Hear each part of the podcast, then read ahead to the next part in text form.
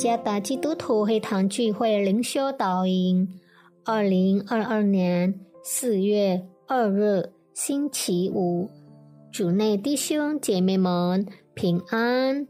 今天的灵修导引，我们会借着圣经诗篇一百三十九篇第一到第三节来思想今天的主题，唯独最理解的作者。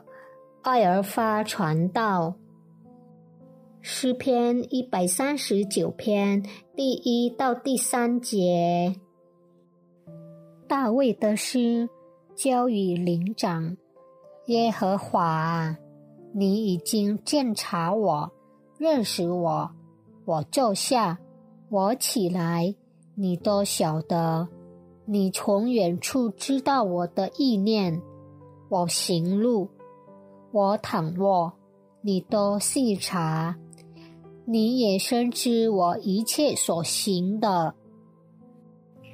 有一次，在社交媒体 Instagram 上，一位朋友写了一篇帖子：“Nobody cares，没人在乎”的意思。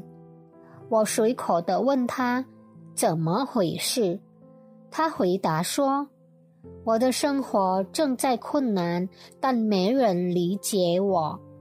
当我们经历艰难的挣扎时，我们需要的是被理解。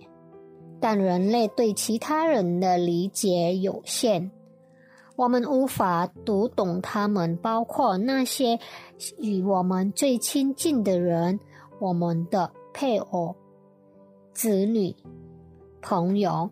和父母的思想和感受，我们都只是有局限性的人。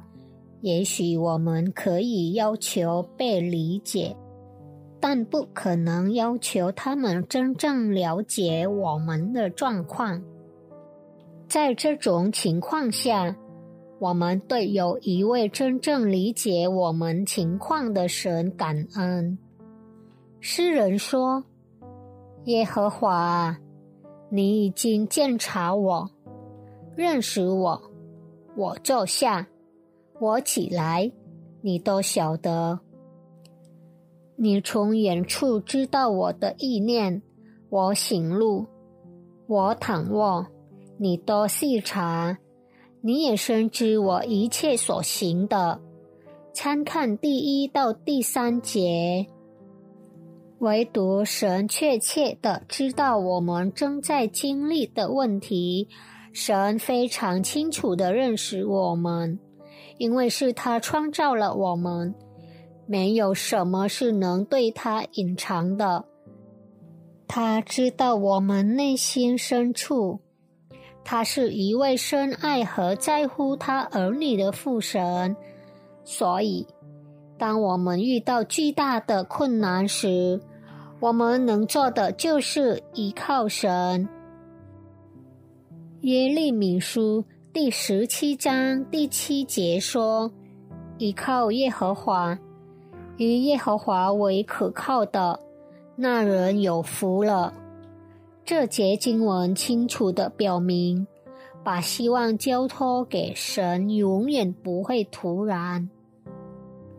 当无人理解时，有神理解，当无人在乎时，神总是在乎；当无人愿意更深的了解我们时，神已经了解了，甚至比我们自己更了解。神确切的知道我们正在挣扎些什么。甚至是可能太沉重而难以说出口的事情，神全都了解。神真的听到了我们内心的呼求，来就近神吧。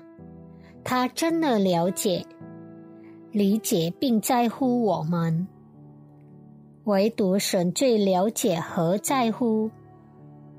愿上帝赐福大家。